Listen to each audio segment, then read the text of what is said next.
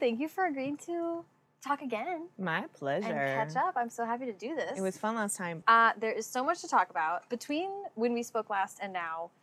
Crooked Kingdom happened, as well Mm. as Wonder Woman and Ninth House. So we're going to do a little bit of each Okay. because I would love to just touch on Crooked Kingdom. You kind of talked about how difficult it was to plan a heist book, and then you decided to do a sequel to your heist book. Right. So the question I wrote was, how many heists do you have in mind? Oh Lord. To be honest, that's one of the reasons that I'm taking a break from that series. Mhm. I get asked a lot if there will ever be another Crows book, and we will see some of the characters again. But there won't be a Six of Crows book, like another one that's about the team and that is written about a kind of heist type narrative for a while because they're incredibly challenging to write. But I think they're also I, I need to step away from that and sort of let that well refill because Six of Crows is one big heist, and Crooked Kingdom is a matryoshka doll of heists. It's cons and heists and scams and schemes, and uh, I think that becomes fatiguing for the reader as well. And the twists become more predictable um, the longer you're dealing with that kind of dynamic. So I I want to let that sit for a while and do other things, and then you know maybe come back to it. But I'll admit that every time every time I learn about a con or a scheme, and sometimes it's a financial con, and sometimes it's a magic trick. I have a nephew who's really into card tricks now, and so we talk a lot about um, distraction and the way the brain works and the eye works, and so that always has me kind of writing little notes to myself. The, it's so challenging. The logistics of those books Yeah. must have been like off the charts. I think also like what excites me a lot of the time is stuff that is the mechanism of deception. You know, what allows somebody to be duped.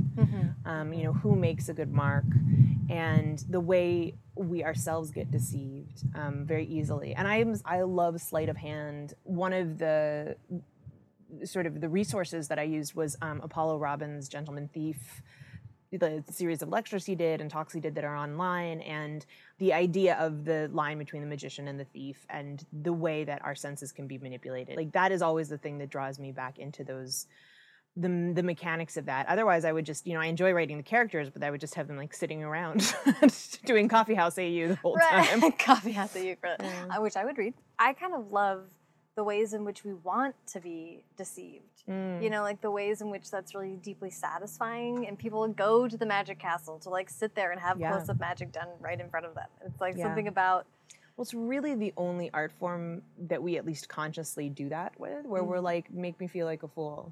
Right. Present, and we know, we know that this whole environment has been contrived to deceive us. From the moment we walk in the door, mm-hmm. everything from the lighting to the seating to the patter, all of it has been manipulated in order to manipulate us. And I think it's even more fascinating. I really like close up magic and the kind of thing that requires patter and that sort of one on one interaction because it mm-hmm. seems so you can't quite believe your eyes. But there's this other kind of magic, which is, you know, the big illusion magic, which never quite works for me because it's almost the same as writing actually. Like people will sometimes say like you know wow do you think you could break into a bank? And i'm like yeah if i built the bank. Sure i build the hoops that they have to jump through. And that's essentially what a magician is doing too. They're creating these kind of false uh, dangers and false predicaments to be like look look at all these things i have to overcome and get you see like all, all the way there's nothing up my sleeve and there's no wires and the big part of the trick is that enactment and so i think it's really interesting how much people are drawn to those grand illusions Mhm. Yeah, that's a really good point. I personally really hate magic, so I don't get any of it. A lot of people do. The reason I know about big illusion magic and I've thought about it is because when I was a reporter for The Advocate, they sent us tickets to David Copperfield mm-hmm. when he was, this was when he was at his peak. It was fascinating because they sent me and anybody I told I was going, they were like, really? Like, oh God, poor you, you know. And at the time, he was one of the highest paid entertainers in the world. And it was interesting, sort of the disdain that people had for him and this mm-hmm. kind of sneer that people had. And yet, the fact that he was drawing these huge crowds and making this money. And it was really interesting to sort of look around and see the pact that was being made with the audience.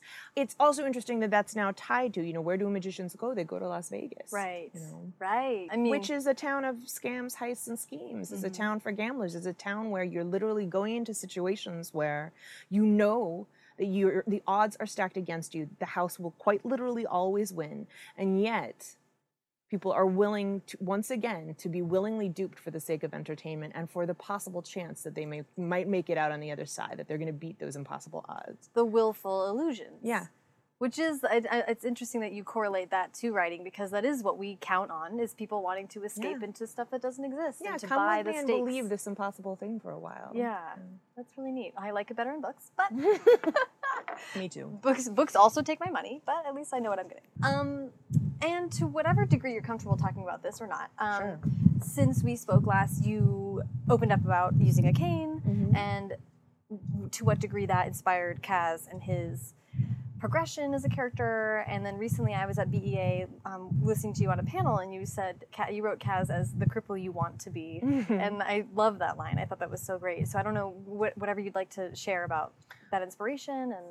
this is going to sound ridiculous, but when I was writing Kaz, it was not a conscious self insert wish fulfillment action. Really? And I know that I'm almost embarrassed to admit that because, of course, it is. Right. But it was, you know, I was building this character, and it was only really when I reached the end of the first draft that I looked back on it and thought, oh, of course, that's why I'm writing him this way, and was, you know, able to kind of lean into the idea of somebody using their disability to build their legend. Mm-hmm. And I also tried to keep in mind, though, when I was working on the second book, what it really is like to live with chronic pain.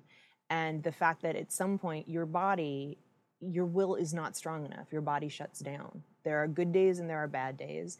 And one of the issues with having a disability like mine is that you don't know when you're going to hit a bad day. Mm-hmm. And I honestly live in fear of hitting one of those truly bad days when I'm on tour or when I'm at a conference.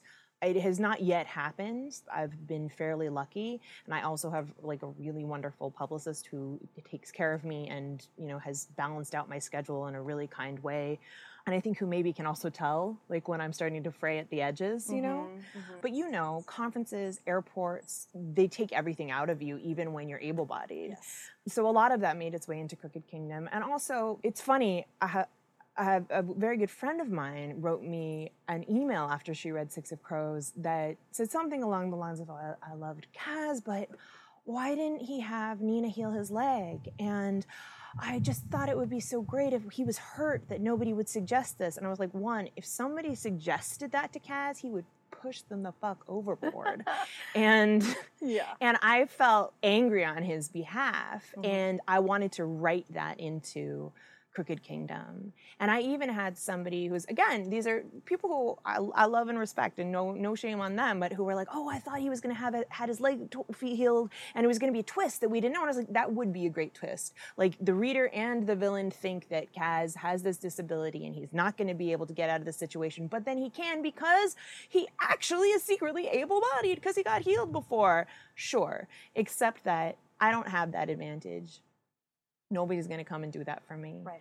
And it would feel to me not only cheap but damaging to have that be the way that he evades. Kaz sometimes overcomes his disability, he sometimes uses his disability, but I am not in the business of erasing that. So, Yes, and that's yeah. the the trope, right? The Yeah. it's almost like that would be expected too. It's I liked that Kaz earned it on his own terms. Yeah. Everything that he did was on his own terms, including all of his shortfalls, emotional, mental, physical. At the end of the day, the day, it's not his broken leg that's going to hold Kaz back. It's not his chronic pain. that's not that's not the biggest fight he has. You mm-hmm. know, he has a host of issues. he has a host of issues, and they are all intertwined, as mm-hmm. most of our issues are. But he was. I'm always surprised and gratified that people actually respond to him because I felt like he was a risk as a character. really.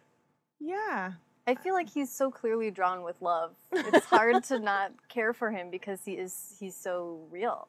I don't know. I mean, it's an interesting question, right? Is where where is the line? Yeah. You know, and I I think whenever you're writing what people like to call it morally gray, I, I think it's always an interesting question, and I think that line is different for everyone. Mm-hmm. In Yeah. terms of what they what they what is acceptable behavior or tolerable behavior, what you will accept in a character but you won't accept in the ship, you know. Right, And right, right. I'm always questioning that myself, you know, because sometimes I like things and I'm like, what the hell is wrong with me? what does this say what about does me? say? What what did I see as a child that wired me thusly? yeah. So writing Six of Crows, it was sort of like unknown to yourself almost it sounds like that, that Yes. y- you were tapping into this part of your personal experience at what point did you clue into that was it the reaction to Kaz that made you want to really dig into that in the next book or how I that think it was the different reactions to Kaz and I think wanting to be as explicit as possible about why he would not choose to be magically healed. yeah There's a scene with him and Wylan where Kaz talks to him about shame hmm and the power of shame and how shame is the thing that controls you. It's not fear, it's not weakness, it's not any of those things. And, I, and in my life, at least, shame has been the most damaging of emotions, you know. And it's also at the heart of internalized ableism. Mm-hmm. Like I didn't use a cane for a long time. The reason I decided to start using a cane was I was in London uh, on tour and I had a day off. You never get a day off. I was like, I have a day off. I'm going, In gonna go exploring. Woo! yeah And I woke up and I was having a bad pain day. And I left my hotel and I walked about half a block and I turned right back around. I couldn't stop calculating in my head if I go this far, I'm gonna, gonna have enough to get back.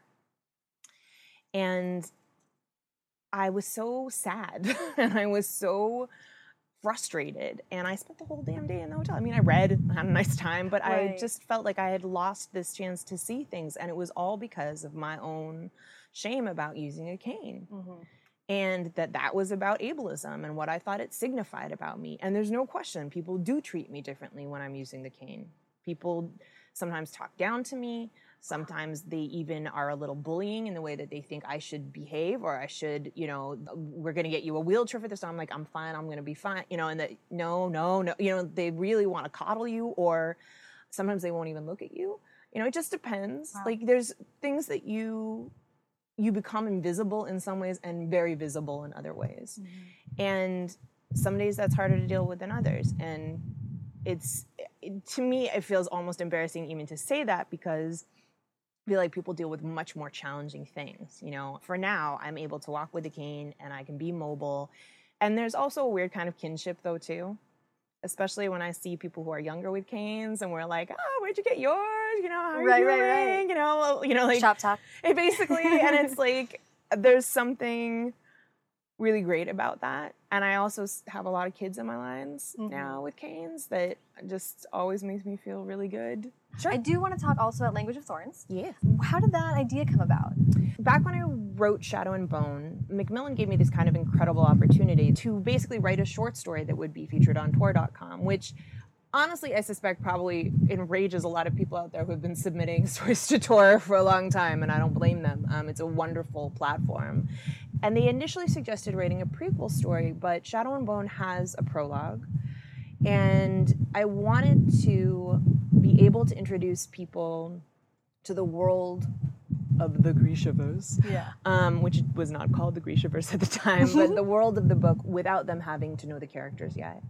And so I deliberately chose to do a kind of folk tale um, that was actually inspired by Hansel and Gretel, which to me is one of the most disturbing. And not because of the cannibal witch, but because I cannot believe they went back to their dad at the end. Like, it, even as a kid, I was like, "Whoa, what are you doing? You, he let his wife send you into the woods. Like, who cares if she's not That's around? Who's gonna, who's he gonna marry next? You know, Ooh, yeah, very not persuasive lady from two villages away. Like, yeah, I just felt the father was such an awful coward, and I couldn't believe that the kids went back to him. But yeah, so I wrote this kind of Ravkan version of that, and it was a story of the kind that my characters would have heard growing up. Mm-hmm. And to me, it's this kind of interesting way of exploring. Like, at any time you're talking about the stories people tell each other, you're really saying a lot about how the culture embraces faith or how the culture embraces magic and what their ideas about heroism are, what their ideas about good and evil are, because that's in all of our deep stories that we tell our children. Mm-hmm. So with the language of thorns, I already had written three Ravkan tales. I'd written one for the release of each Grisha book, mm-hmm. and uh, I decided to do one that's Zemeni. It's a kind of Beauty and the Beast, Ariadne and the Minotaur, you know, Thousand and One Nights kind of mashup, but it's but it's Zemeni, so it's many stories within that story. Mm-hmm. There's a Kerch story that was inspired by the Nutcracker. Ooh. That is probably the weirdest story in the book, but that I really enjoyed writing. Um, and there's a third news story, which is very long. It's actually the longest story in the book. It's almost a novella, and it's my mermaid story, and that's set in Fjerda. It's a Fjerdan legend. So it was really a joyful experience for me, but I also feel like the book is in some ways a risk. You know, people don't buy short stories um, whole lot, and but I will say that I feel like a Macmillan and Imprint, which is my new imprint, mm-hmm. they did such a beautiful job on it. They It's got a gorgeous book. Sara Kipin did the illustrations, and they did this thing. It's not just that there are illustrations, every page changes. So the illustrations build, it's almost like a flip book, and they build a frame. And then with uh, When Water Sang Fire, which is the mermaid story, because it was so long, they build to two different frames. So it's just a thoughtful and beautifully designed book. Natalie Sousa and Ellen Duda were the people who took on this incredibly challenging job. I didn't really understand it until I saw the book and layout and understood what they'd had to do with the text and the pacing of the story. And I feel like it was just this incredible effort by them and Erin Stein and Sara. And it was just, I don't know, I'm very grateful to my publisher. I feel like they let me do this thing that was really like a, you know, I, I don't know, a project of the heart that is something I don't think of as being like super commercial, but I don't know. I But hope people will like it. Yeah, I mean, it's also like people really, really get into your worlds. You build a lot of worlds. It felt to me when when it was announced, I was like, oh, well, obviously she probably has like a bunch of these laying around in her mind or physically already written anyway, because the world of Ravka feels so so fairy tale inspired, and it just seems like your world building is so entailed in the stories people tell each other and that kind of vibe. Yeah, thank you. feels true to it. So Well, it Um, was fun, and I really do enjoy. I don't know. Every time you're doing a retelling, and I, in a way, this is true of Wonder Woman as well. Every time you're engaging, you, you're really in conversation with all the stories that came before it, and so there's almost a game you're playing with the audience, and I just really like that. And I like it when writers play that game with me too. yeah, okay, well, excellent segue, Leigh. Thank you. Yes, for- yes, no problem. You're so welcome. Mm. Um, I want. I would love to ask uh, about that that subject with regard to Wonder Woman. Yeah. Playing in someone else's sandbox in a, in a way. But here is how I'm going to phrase this question. So stick with me. Okay. Comics are. I did not grow up reading comics, so they are this world that is still sort of like puzzling in this wonderful way to me. And I was recently talking to Danielle Paige about soap operas, and she was talking about how soap operas are this sort of, in her um, phrasing, it's a uniquely feminine type of storytelling because she was like, it doesn't end. You kill one character, and then they their evil twin shows up the next day. She's like, it just goes on and on and on and hmm. on, and in this really interesting, permanent kind of way. And it's a story we never stop telling. And comic books seem to me to fit into that universe, which was the difficult thing for me to try to get into. It's hard for a lot of people. And Yeah. it- it's one of the theories on why The Walking Dead, the television adaptation, did so much for those graphic novels, whereas people, as far as I know, have not really seen an uptick in interest in comics related to things like um, the Avengers or Wolverine or Thor or whatever, or Batman, because the people don't know where to start. Yeah, it's dizzying. Unless you have, you know, a guide who's going to lead you by the hand a comic through that, Sherpa, a yes. comic Sherpa, you really are. It, it's very hard to know where to, to to begin to engage. Because even if, and I would love to hear the Wonder Woman books that you particularly drew from or were inspired by, but even if you were just to start with one of those, there is backstory that they assume you have going in as a reader. So it's I don't know that it's they assume you have. I mean, every time there's sort of a new run, it's the role of of the writer to. uh, There are certain assumptions that come with ha- writing an iconic character like Wonder Woman or Batman. But in general, I think that they are in conversation with those things, but it's also about bringing new readers into the comic. Um, so you could, in theory, pick a lot of places to start. But again, you couldn't just I mean, unless you have a very friendly comic book store, which some people have, mm-hmm. it would be tough to know where to begin. That said, you could also like bless the internet and just go on and say, you know, you know, best runs of Wonder Woman comics or, you mm-hmm. know, most influential runs of X, Y, or Z. And you could probably get a nice BuzzFeed list or something, Right. especially at this point Yeah. but yeah, I think it can be overwhelming. And also, it's incredibly contradictory. Like, I mm. can't speak to soap operas in terms of continuity, but comics, I mean, they, there are so many reboots and so many universes, and certain comics are sort of notorious for continuing this kind of like palimpsest of origin stories. Mm-hmm. And there are some that are kind of ironclad, like Batman. We all know what happened to Batman's parents, like, Right. you know. That but is- yeah. but I found, especially with Wonder Woman, her origin story is a lot more cloudy for people. And I think that's partially because in most canon, and aside from a few one offs, uh, Wonder Woman comes to our world, sometimes called Patriarch's world or the world of man, as an adult. Mm-hmm. As opposed to Batman, who loses his parents as a child, Mm. which sets him on his quest, and Superman, who comes to our world as a baby, and Spider-Man, who's a teen. Spider-Man who's a teen and who ha- and who loses his uncle, you know, and who and they have stories that I think resonate in this, you know, whether it's the immigrant story or the vigilante story, you know, that resonate with us.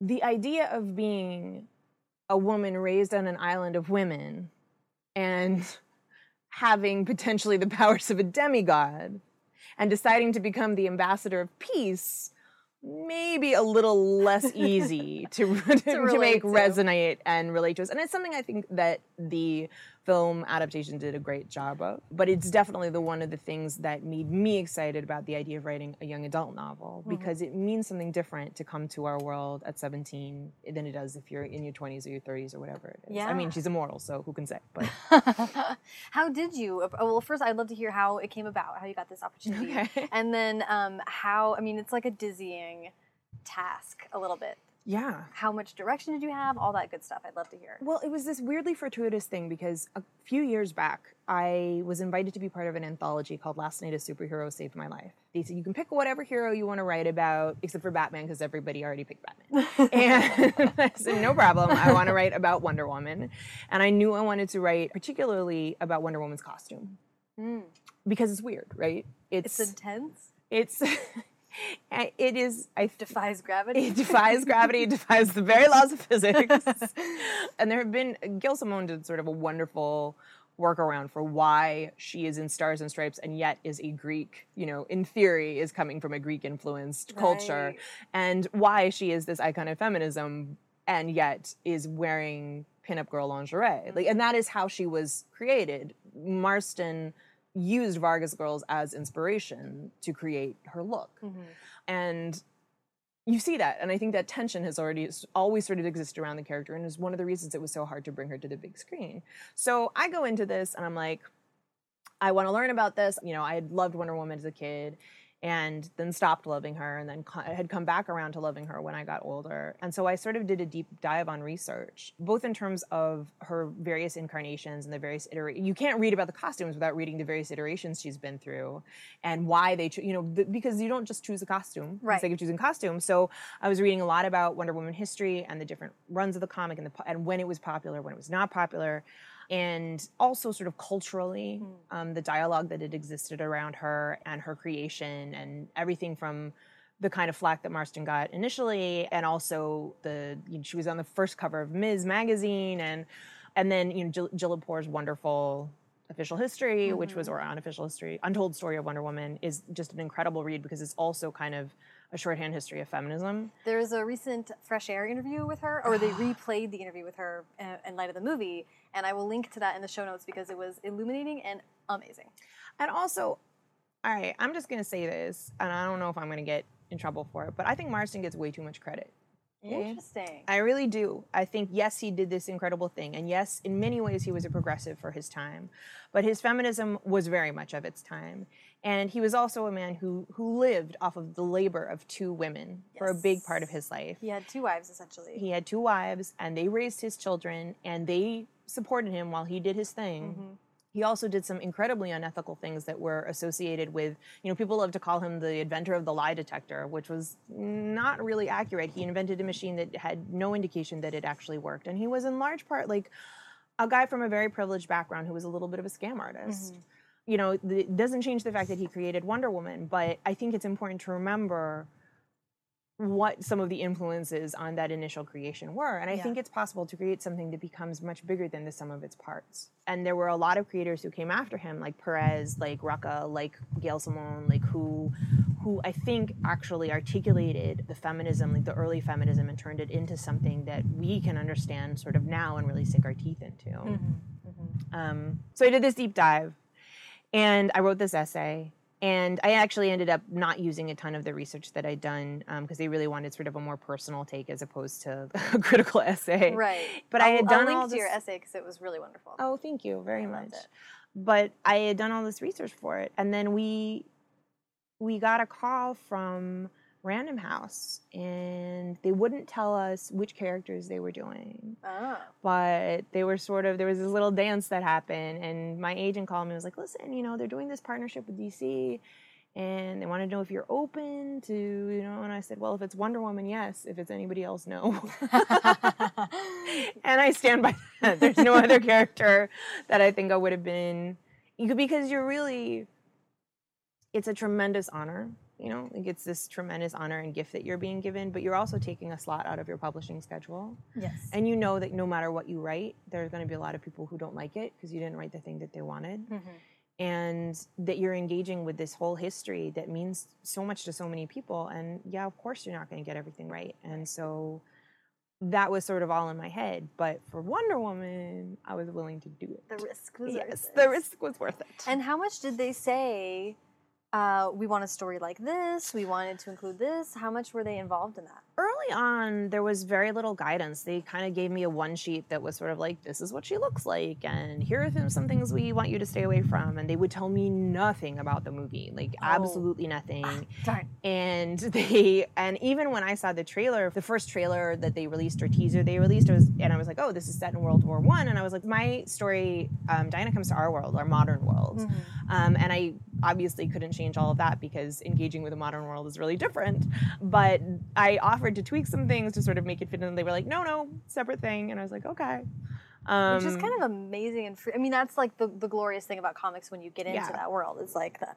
And for for me as a linear type of thinker in that way, I was like, what? I know, I know. and I think that it is going to take some people aback. And it's sort of why I'm grateful that there's a gap between um, the movie and the book because they're both origin stories, but they're very different origin stories. Right. And I know that there's going to be people who are like, where's Steve Trevor? I'll be like, who can say? Not in Did this you see the movie? so yeah, there were certain rules, and look, the fact is, when you're writing something like this, you kind of have to accept that there are a lot more cooks in the kitchen than you're used to, Mhm.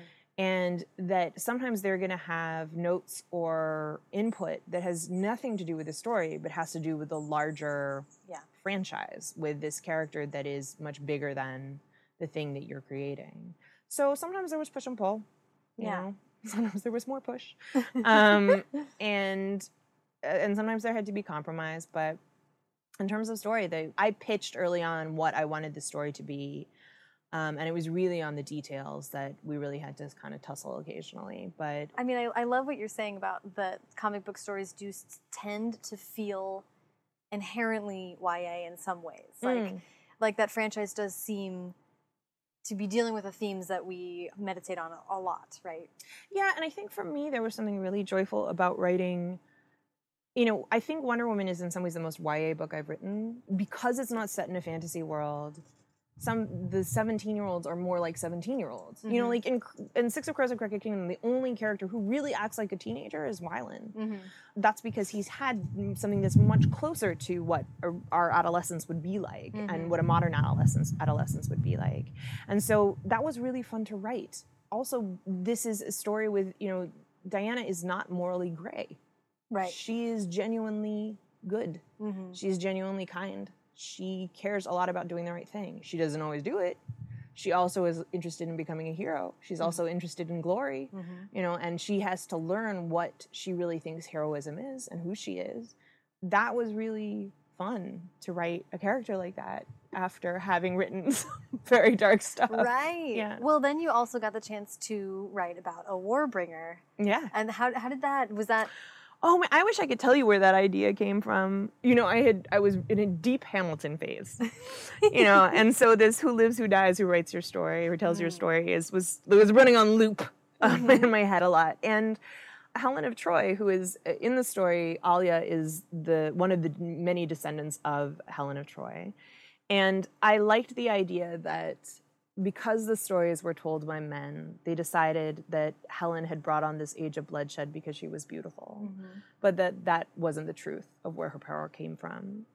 And what it would mean to sort of be a walking, talking teenage apocalypse.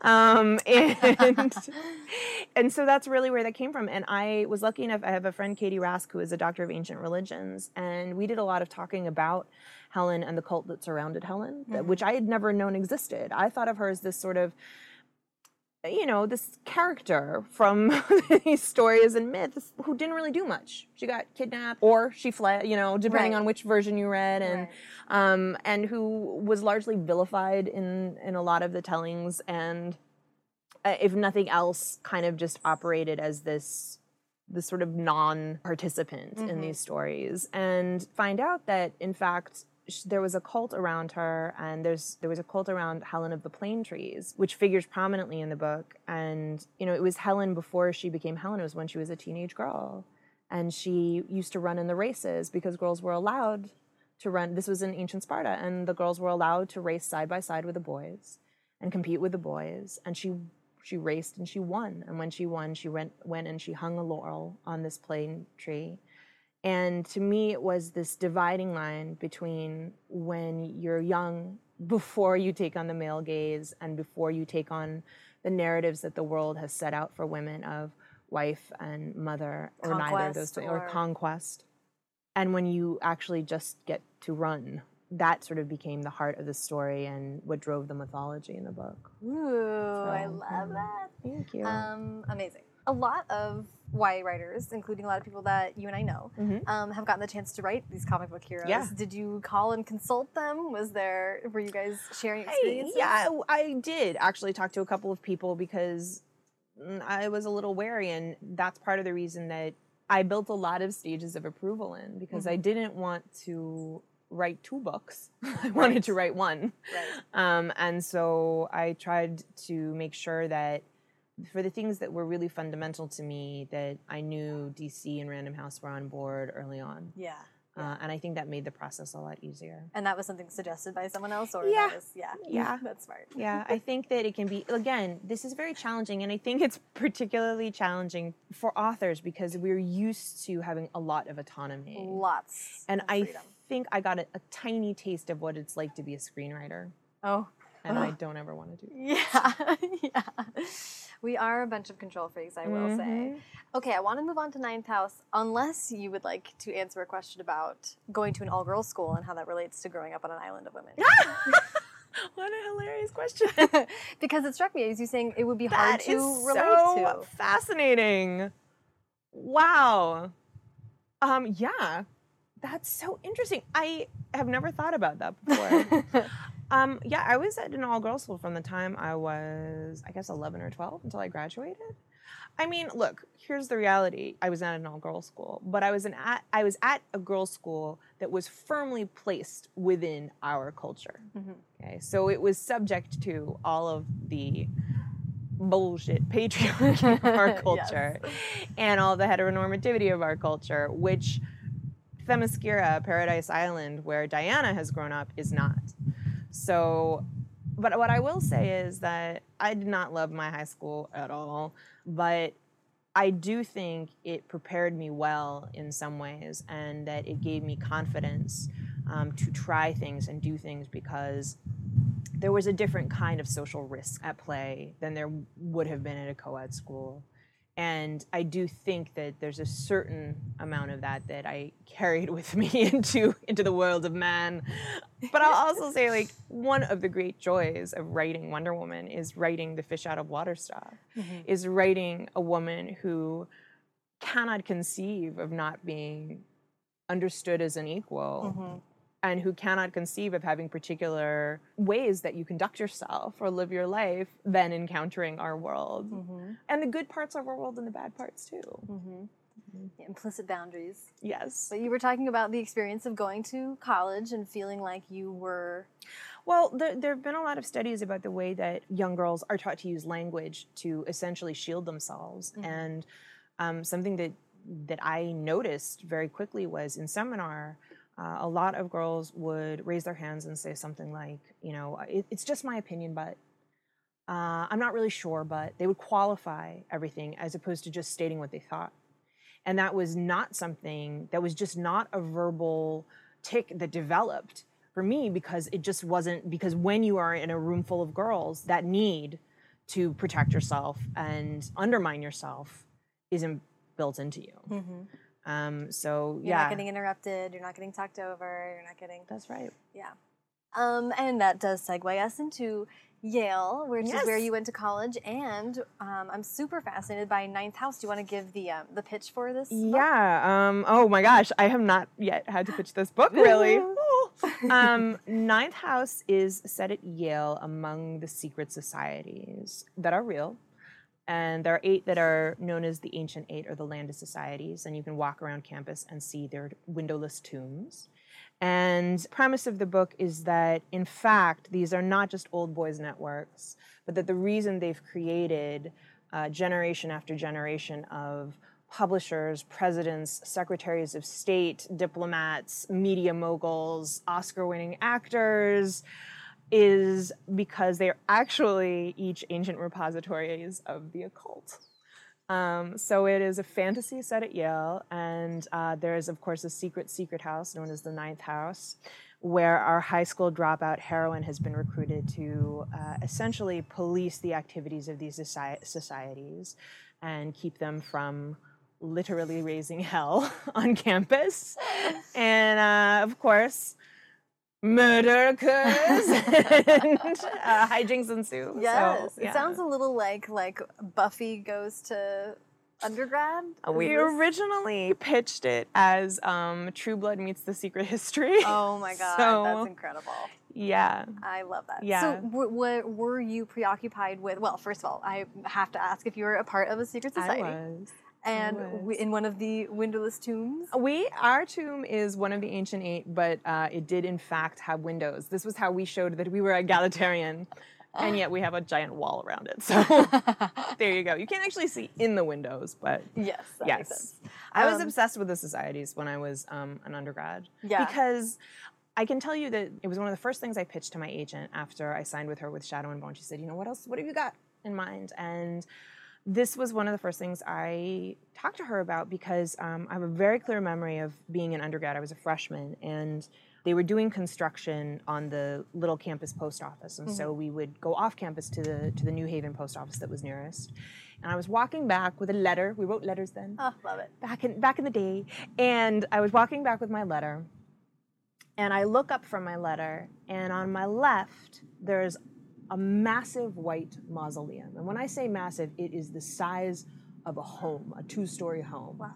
White columns, you know, neoclassical. There's black wrought iron snakes on the gate. And mm-hmm. I'm like, what am I what am I looking at? And then I look to my right. And to my right are these huge neo-Egyptian monumental gates. Stone, red stone gates, and there's a huge plinth above them. This is the entry to the cemetery, to Grove Street Cemetery. And on that plinth it says, The dead shall be raised. Hmm. And little goth Leigh Bardugo was like, I am home. this is my Hogwarts. This is what I have been waiting for. Because I grew up in LA, where it's like, it's a there's a lot of history there, but it's not that kind of history, and it's not that kind of architecture. And so I was always fascinated by these weird buildings and. Um, And history, right? It taps the- into so much unspoken and a lot of tales and urban legends. secret stories. I think you and I are both drawn to the myths and stories that are happening side by side with the modern world. Yes. And even a building, like the way that buildings are created for one thing and then they become something else. Mhm. And the book opens, at least right now it opens. I'm drafting it right now, so who knows? That chapter may get cut. But right now the book opens in a secret operating theater that is one of the vestiges of the old medical school oh. um, because this building didn't go anywhere, it just got repurposed and redesigned. And New Haven history is first of all, you know, New Haven politics, New Haven history, are really there's a lot going on in that city, and mm-hmm. has been since it since it was a bunch of Puritans building mm-hmm. what they thought was going to be their magical new world. Mm-hmm. There's a lot of bloodshed in that history, and there's a lot of strangeness, and even the fact that when you cross the New Haven Green, you're walking over what was once a graveyard, and thousands of the corpses that were supposed to be moved from there were never moved. And in fact, during Hurricane Katrina, a skeleton washed up in the roots of a tree. I know. Oh my god. I love it so much. Oh shit. so, but that's the kind of thing. There was literally something called the Resurrection Riot Wow. in New Haven, which was very much about the relationship of the college to the town that it was in. And the fact that that there were these people who, in theory, you know, they needed to learn, they wanted to learn, but they were learning with the body of a town resident Right. you know so and i also learned a lot which i didn't know you know i i went back to new haven to research and i'd never gotten to do that before. I'd never gotten to do a traveling research trip. Really? yeah but i hadn't been back to campus or school in a very long time since i had grad i mean i worked at the advocate for a year after after i graduated but i hadn't been back since then. And i wanted to go when school was in session. And one of the things I did was I did a lot of touring and research, uh, less about campus than about New Haven, and I learned about uh, about why there are these huge swaths of of brutalist architecture and um, the way that some of the poorer residents there have been treated and things that honestly when i was an undergrad there i was embarrassingly oblivious to. And also i discovered like all the magical weird stuff that is that still exists there the old factories. New haven has a great messy history. Um, so for me engaging with this book has been also learning about a place that i probably should have known more about when i lived in it Well, I like that over time we get to reacquaint ourselves with places that have meant a lot to us. I'm, Yeah. I'm writing a book right now set not set in the city where I would do senior skip days.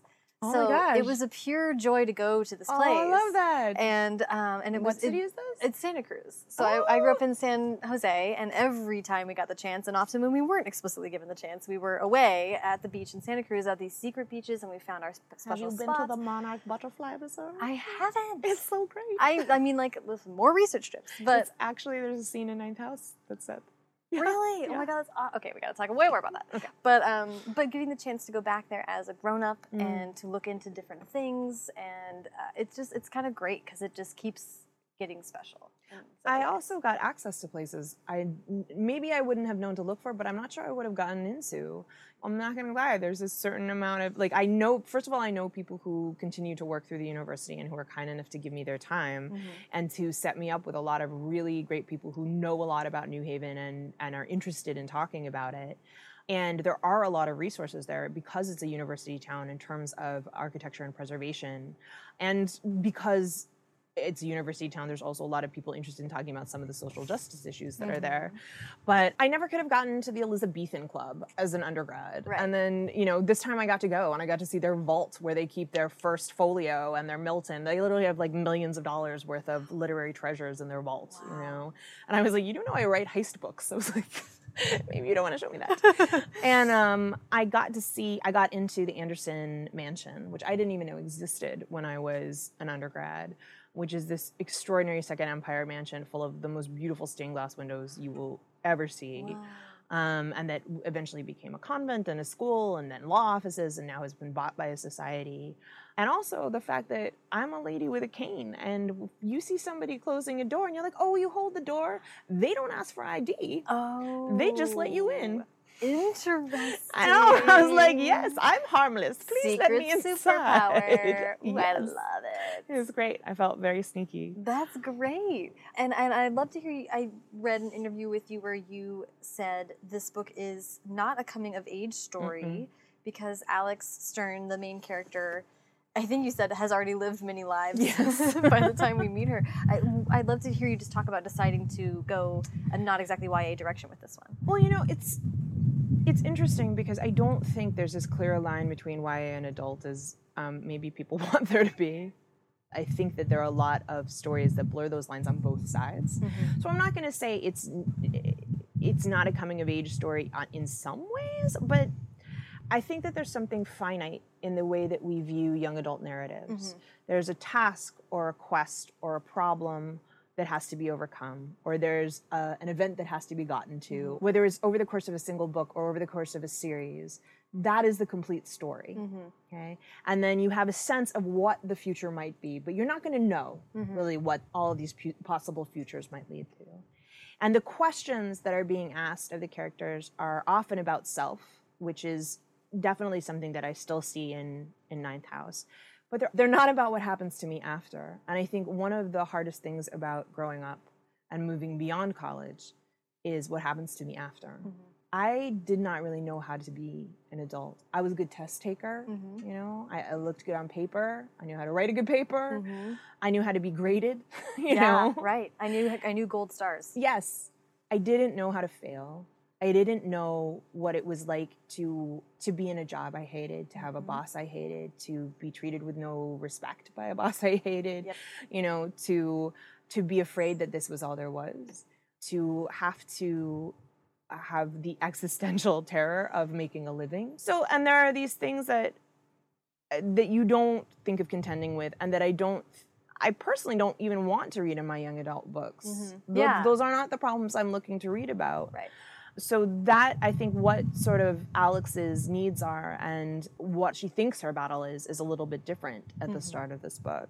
So I don't know. Weird because people always say, "Why are you writing this uh, adult and not YA?" And I'm like, "Just so I can swear as much as I want to." and I don't really know. I only know that as soon as I thought of the idea, it, it just never fit into YA. Yeah, I think there's the this that wasn't the story. Like the story Yeah. wasn't the that's the ephemeral thing that we always dance around. I think like what makes it YA and what doesn't. And I'm sure that people who love YA are going to love that story too. So it's not I mean, I like hope so. you know. Um, we like to wrap up with advice. So I'm actually really interested to. Um, I'm not going to ask you to remember what you said two years ago, um, but if you have any more recent insights, More recent uh, insights. for advice.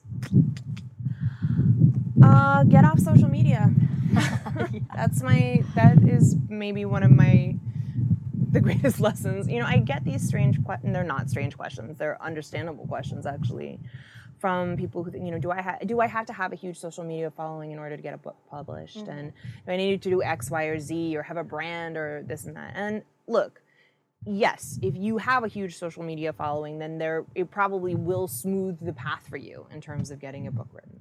However, the majority of people who publish books and who publish successful books and who have careers that extend beyond a single successful book are people who keep generating stories, who keep doing the work of writing a book and then writing another book. Yeah. And if that bo- book doesn't sell and the next book doesn't sell, then writing a third book. Mm-hmm. You know, this is it's a marathon and not a sprint. And unfortunately, I think we live in a, a culture of being looked at and being evaluated. And I think I would have been very susceptible to this as well. And it is okay not to put every chapter you write up. And if you don't get a whole bunch of likes or love when you do put a chapter up, that's all right. It doesn't it is not a judgment on your work. Mm-hmm. You know, I want people to remember that and that it is okay to keep secrets and to keep stories secret and to let them be just yours for a period of time mm-hmm. before you release them into the world. Yeah, Because you become vulnerable when you do. people I feel like don't talk about that enough that like now we have to learn the skill that we have to learn is how to protect ourselves when transparency is becoming more and more a default Yeah. and not an option Yes.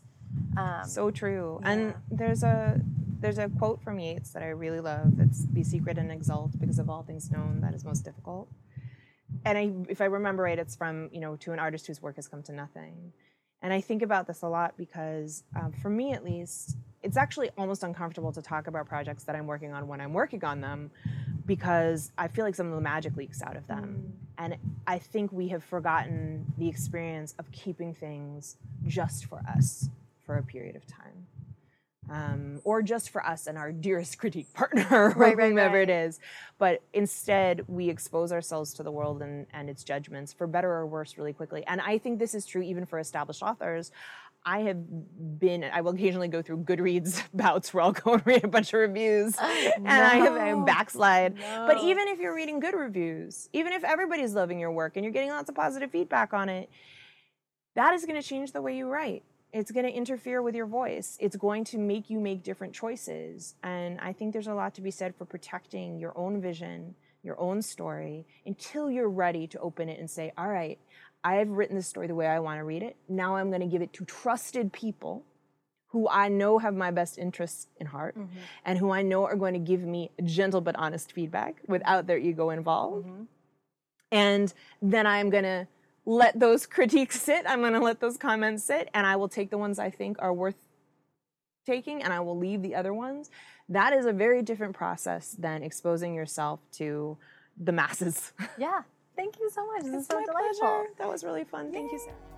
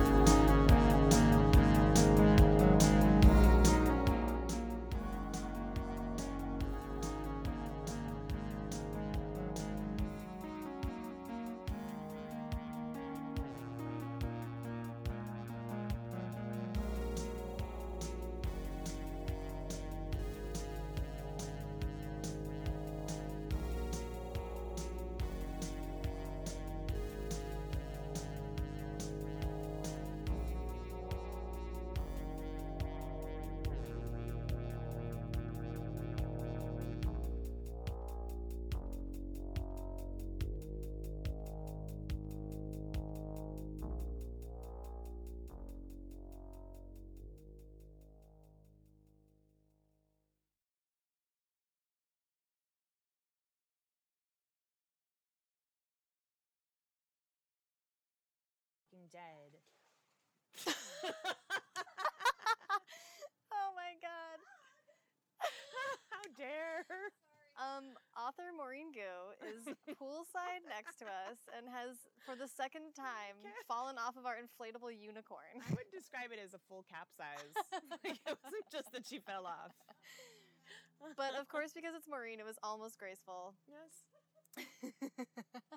Um, so if you hear more splashing, it's a battling, a unicorn battle. That's okay. it adds drama. Um,